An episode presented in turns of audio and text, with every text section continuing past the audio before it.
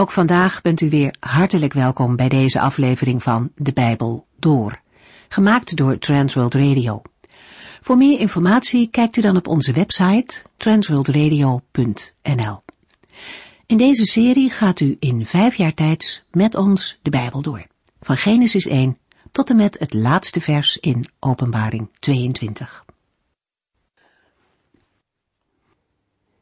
We zijn de vorige keer begonnen in 2 Timotheus. Paulus schreef deze brief toen hij voor de tweede keer in Rome gevangen zat. Zijn omstandigheden waren deze keer niet zo gunstig als tijdens zijn eerdere gevangenschap. Toen had hij een vorm van huisarrest, maar mocht wel volop mensen ontvangen. En terwijl hij deze brief schrijft, zit hij in een koude cel en weet dat het einde van zijn aardse leven dichtbij is. Veel mensen hebben hem in de steek gelaten uit angst om zelf gedood te worden. Paulus hoopt erop dat Timotheus hem voor de winter zal kunnen opzoeken. In deze brief zien we echter ook dat de apostel veel kracht van de Heere ontvangt en vol vertrouwen is. Ondanks de sombere omstandigheden van Paulus is 2 Timotheus een bemoedigende brief. Paulus spoort Timotheus aan om te volharden in het geloof en de taak die de Heere hem heeft gegeven standvastig uit te voeren. En daarbij staat het hechte fundament van Gods woord centraal. In zijn instructies moedigt Paulus Timotheus aan om voortdurend Gods woord te gebruiken om de groeiende tegenstand van de verspreiding van het evangelie te overwinnen. Timotheus heeft deze bemoediging hard nodig, door de moeilijkheden die hem te wachten staan. En door deze brief maakt Paulus hem duidelijk hoe hij moet omgaan met vervolging door de wereldlijke autoriteiten en met oneenigheid en bedrog binnen de gemeente. Hoofdstuk 2 van deze brief is een belangrijk hoofdstuk. Paulus geeft hier een aantal sleutels voor een positieve en standvastige bediening in de gemeente van Christus. Op dit hoofdstuk komen we in een van de volgende uitzendingen nog terug. Vandaag lezen we 2 Timotheus 1, vers 6 tot en met 18. In de vorige uitzending hebben we gelezen dat Paulus na het dankgebed, waarbij hij zich het geloof van Timotheus herinnert, Timotheus ergens aan wil herinneren. Paulus schrijft aan Timotheus in 2 Timotheus 1 vers 6, Daarom dring ik erop aan dat je de gave van God, die je ontving toen ik je de handen oplegde, zult ontwikkelen. Over de aard en de omvang van de door God gegeven genadegave wordt niet direct gesproken. De vorige uitzending sloten we af met de woorden: Timotheus zal de gave van evangelist en leraar van de Here hebben ontvangen, ten dienste van de bediening die God hem heeft toevertrouwd. Timotheus stond dicht bij Paulus, toen hij voor de tweede keer in Rome in de gevangenis zat. Paulus schrijft aan de Filippenzen over Timotheus: Er is niemand die zo met mij meevoelt als Timotheus. Timotheus was waardevol voor Paulus. De apostel schrijft: Hij heeft mij als een eigen zoon geholpen het goede nieuws bekend te maken. Zodra ik weet wat mij hier te wachten staat, zal ik hem naar u toesturen. 2 Timotheus 1 vers 7 want God geeft ons niet een lafhartige geest, maar een sterke geest vol liefde en bedachtzaamheid. Door het gebruik van het woordje ons onderstreept Paulus de verbondenheid met Timotheus en benadrukt Paulus dat ook hij dezelfde Heilige Geest heeft ontvangen. Omdat het in vers 6 gaat om de gave die de Heer geschonken heeft verder te ontwikkelen, en de gaven van God alleen door de Heilige Geest worden geschonken, gaat het in vers 7 bij het woordje geest ook om de Heilige Geest. Met een sterke geest vol liefde en bedachtzaamheid wordt bedoeld dat de Heilige Geest in het karakter en leven van een gelovige kracht, liefde en bezonnenheid bewerkt. In Romeinen 8 vers 15 zegt Paulus dat God ons een andere geest heeft gegeven wij zijn door Hem aangenomen als kinderen. En doordat Zijn geest in ons woont, roepen wij, Abba, Vader. Timotheus had de neiging zich te laten intimideren. Maar dit komt niet overeen met dat wat Gods geest in hem wil bewerken. Hij moet zichzelf in dit opzicht overwinnen. 2 Timotheus 1 vers 8 Wees nooit bang om anderen over onze Here te vertellen, of ervoor uit te komen dat je mijn vriend bent, hoewel ik ter wille van Christus in de gevangenis zit. Je moet bereid zijn met mij voor de Here te lijden. Hij zal je de kracht ervoor geven. Omdat Timotheus geen geest van lafhartigheid heeft ontvangen, hoeft hij nooit bang te zijn om anderen over de Heer Jezus te vertellen, of ervoor uit te komen dat hij een vriend van Paulus is. In het Nieuwe Testament is vertellen over de Heere getuigen van wat de mens heeft gezien en gehoord van Jezus Christus. Dat is niet altijd gemakkelijk, en in onze context wordt al duidelijk dat getuigen van Christus lijden en gevangenschap tot gevolg kan hebben. In iets latere tijd gaat het woord voor getuigen, het Griekse woord martyrion, dan ook martelaarschap betekenen. Met de woorden, hoewel ik ter wille van Christus in de gevangenis zit, maakt Paulus duidelijk dat hij omwille van de verkondiging van het evangelie van Jezus Christus gevangen zit. Opmerkelijk zijn de oproepen aan Timotheus om mee te lijden. Kennelijk was de kans dat Timotheus zou moeten lijden om het geloof heel concreet en misschien deinsde Timotheus ervoor terug. Het lijden als dienstknecht van de Heere gebeurt overeenkomstig de kracht van God. Dat wil zeggen, God zelf geeft de kracht om zulk lijden te doorstaan. De bereidheid om voor het evangelie te lijden is voor veel christenen geen werkelijkheid. In een welvaartmaatschappij van vandaag hebben veel gelovigen het gevoel dat het christelijk leven een prettig leven hoort te zijn. In zo'n situatie denken gelovigen dat zij een hemelse vader hebben die hen verwendt, alle problemen voor hen oplost en ervoor zorgt dat hen geen nare dingen overkomen. Toch heeft de Heer Jezus duidelijk tegen zijn volgelingen gezegd in Johannes 16 vers 33. In de wereld zullen jullie het zwaar te verduren krijgen, maar houd moed, ik heb de wereld overwonnen.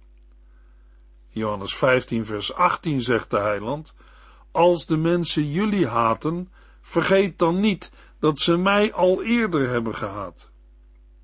Het is niet altijd gemakkelijk om als christen in deze tijd en wereld te leven. Een christelijk leven gaat niet over rozen. Wij moeten bereid zijn voor de Here te lijden. Hij zal ook de kracht geven om staande te blijven. 2 Timotheus 1 vers 9 God heeft ons bevrijd en voor zijn heilig werk uitgekozen. Niet omdat wij dat verdienen, maar omdat hij dat vanaf het eerste begin al van plan was. In Jezus Christus wilde hij ons zijn liefde en genade laten zien. Timotheus mag zeker zijn van Gods kracht in de verdrukking, omdat de Heere hem en ook Paulus en de andere gelovigen heeft uitgekozen, gered en geroepen.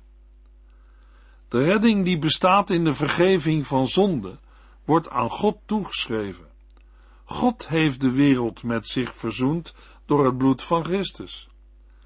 Paulus schrijft aan de Corinthiërs in 2 Korinthe 5 vers 18 en 19 al dit nieuwe komt van God, die ons door Jezus Christus bij zichzelf heeft teruggebracht.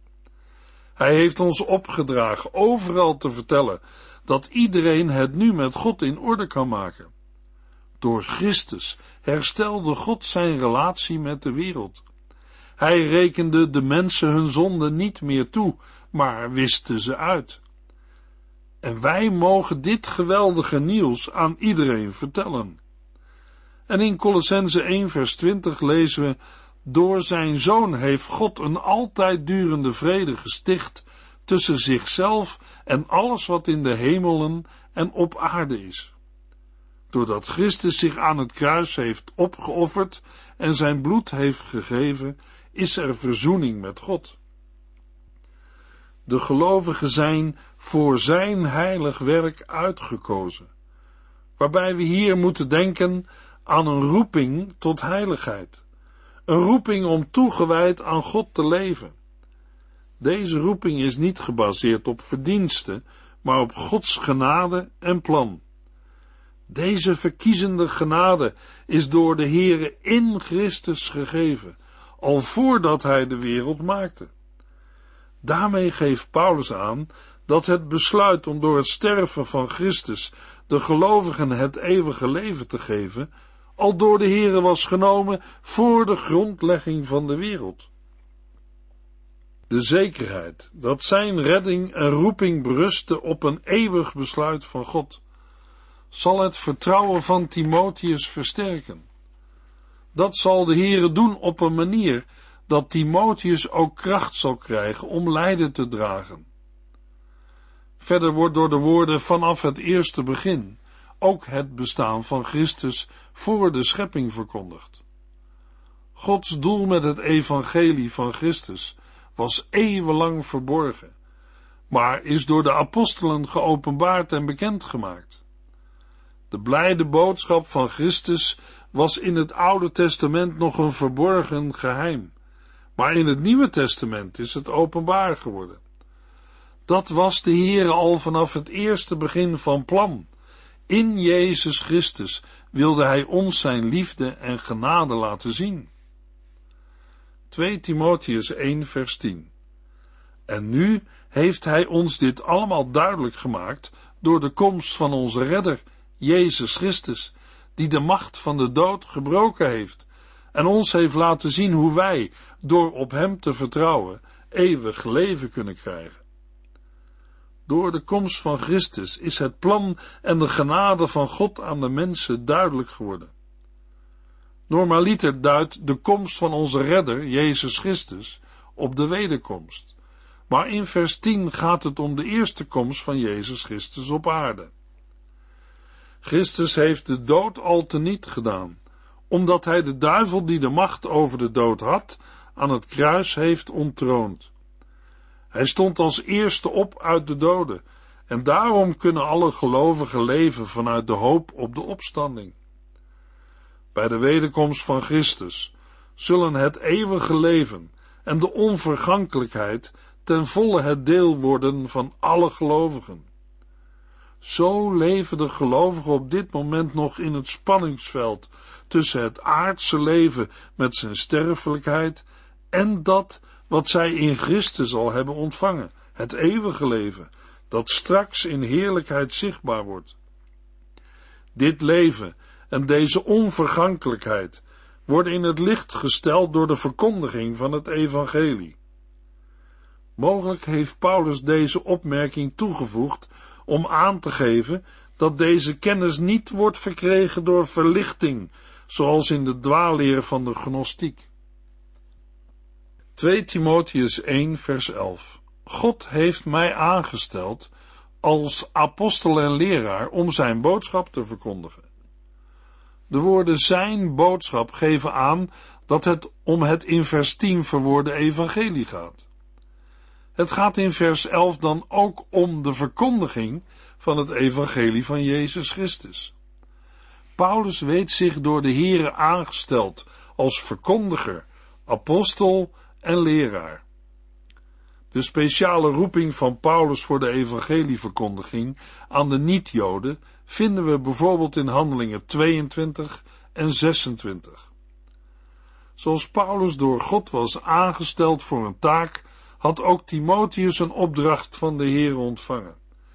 Hij moet zijn opdracht vervullen en net als Paulus ook de consequenties aanvaarden als we onderscheid willen aanbrengen in de verschillende aspecten van de bediening van Paulus als verkondiger, apostel en leraar, kunnen we denken aan respectievelijk het openbare karakter van Paulus' bediening, het door de Here verleende gezag en het inzicht om de dwaalleer te bestrijden.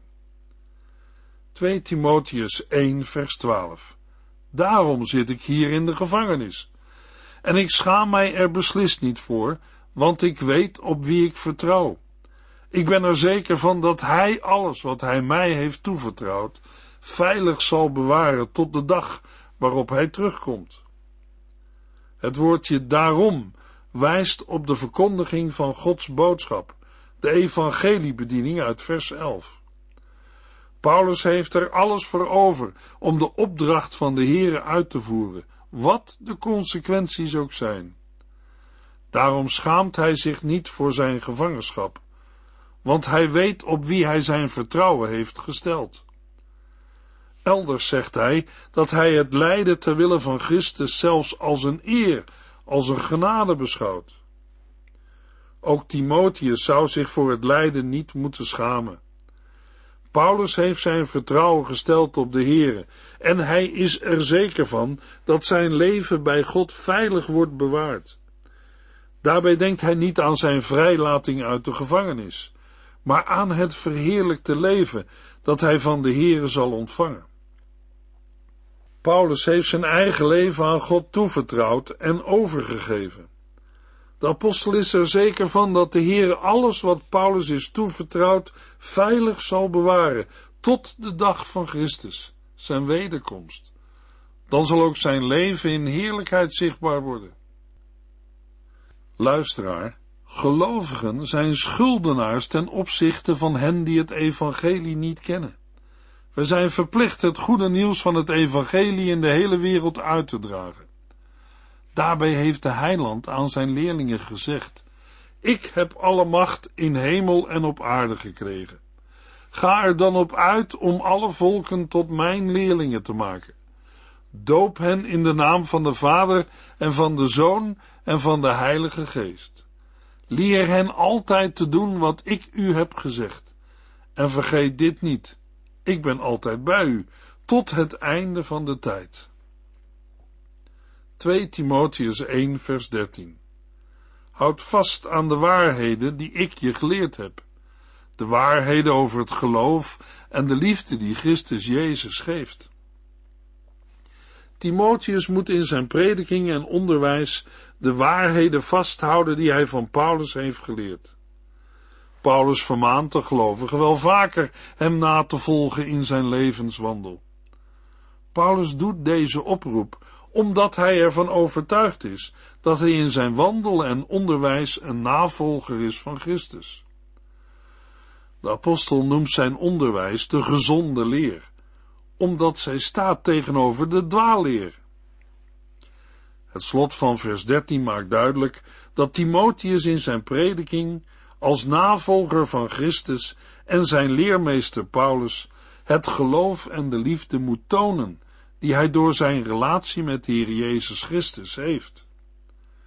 2 Timotheus 1 vers 14 Waak over de schat die de Heilige Geest die in ons woont ons heeft gegeven. Zoals Paulus zijn leven aan de Heer heeft toevertrouwd, vertrouwt hij de gezonde leer toe aan Timotheus, om haar te bewaken en te bewaren. Kennelijk waren er in de omgeving van Timotheus dwaalleraars actief en moest hij de gezonde leer tegenover hun valse leer stellen. Timotheus moet deze opdracht uitvoeren in de kracht van de Heilige Geest die in ons woont. Door het woordje ons benadrukt Paulus dat dezelfde Heilige Geest in hen beiden woont. Hij verwacht daarom dat Timotheus net als hij vanuit die kracht zijn taak zal vervullen en de consequenties zal dragen. In 1 Timotheus 6 vers 20 schreef Paulus aan Timotheus, Timotheus, schiet niet tekort in wat God je heeft toevertrouwd. Laat je niet verleiden tot dwaze discussies met mensen die over hun kennis opscheppen en daarmee bewijzen dat ze geen kennis hebben. Sommigen van hen missen het belangrijkste in het leven. Zij kennen God niet werkelijk. Ik bid dat God jullie zijn genade zal geven. 2 Timotheus 1 vers 15 Je weet dat alle christenen die vanuit Azië hier zijn gekomen, mij in de steek hebben gelaten. Zelfs Vigelus en Hermogenes. Timotheus bevindt zich op het moment van schrijven in Macedonië of Azië want hij moet via Troas naar Rome reizen. En in Efeze de familie van Onesiphorus de groeten doen. Timotheus zal gehoord hebben wat er in Azië of Klein-Azië is gebeurd. Wij kunnen niet meer dan gissen wie met alle christenen worden bedoeld, en in wat voor opzicht zij Paulus in de steek hebben gelaten. De namen Figelus en Hermogenes zijn ons verder niet bekend. Het is mogelijk dat een aantal gemeenteleiders, zoals Figelus en Hermogenes, zijn afgevallen van de leer van Paulus en het oor hebben geleend aan dwaalleraars, die blijkens openbaring 2 in de zeven gemeenten van Klein-Azië of Azië voet aan de grond hebben gekregen. Een andere mogelijkheid is dat Paulus gedurende zijn gevangenschap en het proces dat volgde erg weinig steun heeft gehad van de zeven gemeenten uit Klein-Azië. Een dergelijke klacht vinden we bijvoorbeeld ook in Filippenzen 1 vers 17, waaruit blijkt dat sommige broeders het apostelschap van Paulus niet erkennen en hem de gevangenschap zwaar maken. 2 Timotheus 1 vers 16 tot en met 18 Ik vraag de Heer of hij Onesiphorus en zijn gezin wil zegenen, omdat die mij vaak heeft bezocht om mijn moed in te spreken. Zijn bezoeken waren voor mij een verfrissing. Hij schaamde zich er niet voor met een gevangene bevriend te zijn. Integendeel, toen hij in Rome aankwam, heeft hij overal naar mij gezocht en mij tenslotte gevonden. Ik bid dat de Heer hem een bijzondere zegen geeft op de grote dag waarop Christus terugkeert. En jij, Timotheus, weet maar al te goed hoe hij mij in Efeze heeft geholpen. De zegen die Paulus aan het huis van Onesiphorus toewenst, is een zegen voor het dagelijks leven. De apostel gebruikt dit woord omdat de bezoeken van Onesiphorus voor Paulus zelf een zegen en een verfrissing waren, toen deze hem in zijn gevangenschap opzocht. Uit de opmerking in vers 18 dat Onesiphorus zelf een bijzondere zegen zou mogen ontvangen op de dag waarop Christus terugkeert, en uit het feit dat in 2 Timotheus 4 vers 19 alleen het huis van Onesiphorus wordt genoemd, hebben uitleggers opgemaakt dat ten tijde van het schrijven van de brief Onesiphorus al moest zijn overleden. Maar dat is niet zeker. Duidelijk is wel dat door de bemoedigende bezoeken van Onesiphorus Gods zegen over zijn hele gezin komt. Dat Onesiphorus zich niet heeft geschaamd om Paulus in de gevangenis op te zoeken, gebruikt Paulus voor Timotheus als een voorbeeld dat ook hij zich niet moet schamen. Of Onesiphorus speciaal naar Rome is gereisd om Paulus op te zoeken is niet zeker, maar wel waarschijnlijk omdat uit vers 18 blijkt dat hij ook vroeger in Efeze Paulus heeft geholpen. Als de gevangenschap van Paulus gedateerd moet worden onder keizer Nero, tijdens de grote vervolging van christenen, dan heeft Onesiphorus zeker moeite moeten doen om Paulus te vinden. En dat was zeker geen ongevaarlijke onderneming. De geschiedschrijver Tacitus beschrijft hoe afschuwelijk keizer Nero christenen in Rome de eerste jaren na de dood van Jezus behandelde. Het begon met een hevige brand die de stad grotendeels verwoestte. Naar verluid had Nero deze zelf aangestoken om ruimte te creëren voor zijn eigen indrukwekkende bouwwerken. Nero zocht een zondebok om de aandacht van zichzelf af te leiden. En de christenen, vreemdelingen die pas in Rome woonden, waren het perfecte doelwit voor de woede en frustraties van de Romeinen. De keizer opende een bloedige klopjacht, de eerste van vele. Drie eeuwen lang was het christelijk geloof in Rome een verboden godsdienst. Als het in 2 Timotheus 1 om de eerste gevangenschap van Paulus in Rome gaat, dan moeten we denken aan de moeite die het kost om één persoon in een miljoenenstad te vinden. Zoals Onesiphorus Paulus heeft gevonden, mogen hij straks, op de grote dag waarop Christus terugkeert, een bijzondere zegen van de Heer ontvangen. Met de dag waarop Christus terugkeert, bedoelt Paulus de dag van de wederkomst van Christus en het oordeel van de Heer. Paulus twijfelt niet aan het behoud van de gelovige Onesiphorus. Eerder heeft de apostel de woorden van de Heer Jezus in gedachten. Gelukkig zijn de mensen met een liefdevol en helpend hart, want zij zullen zelf liefde ontmoeten en hulp ontvangen. In Jacobus 2 vers 13 lezen we, als u geen medelijden met anderen hebt gehad, zal God ook geen medelijden met u hebben. Maar als u wel medelijden met anderen hebt gehad, zal Gods medelijden het winnen van zijn oordeel.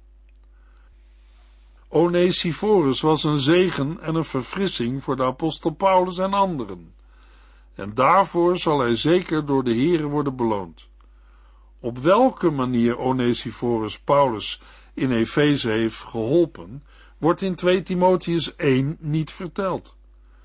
Misschien hoorde hij bij de bevriende hoge ambtenaren van de provincie Azië, die in Efeze Paulus lieten waarschuwen dat hij zijn leven niet in gevaar moest brengen door het theater binnen te gaan. Uit de woorden en jij, Timotheus, weet maar al te goed hoe hij mij in Efeze heeft geholpen, leiden we af dat vooral in de periode dat Timotheus in Efeze was, Onesiphorus de christengemeente goed heeft geholpen. In de volgende uitzending lezen we 2 Timotheus 2 vers 1 tot en met 13. U heeft geluisterd naar De Bijbel Door, in het Nederlands vertaald en bewerkt door Transworld Radio. Een programma waarin we in vijf jaar tijd de hele Bijbel doorgaan. Als u wilt reageren op deze uitzending of u heeft vragen, dan kunt u contact met ons opnemen. Tijdens kantooruren kunt u bellen op 0342 478432. 0342 478432. Ook kunt u een e-mail sturen naar de en natuurlijk kunt u ook via de post ons bereiken. TWR, postbus 371, postcode 3770, AJ in Barneveld. Dit programma werd gepresenteerd door Cor Weda en Ike André. Techniek was in handen van Odin van Voerkom. En wij allemaal bedanken u voor het luisteren. Graag tot de volgende keer.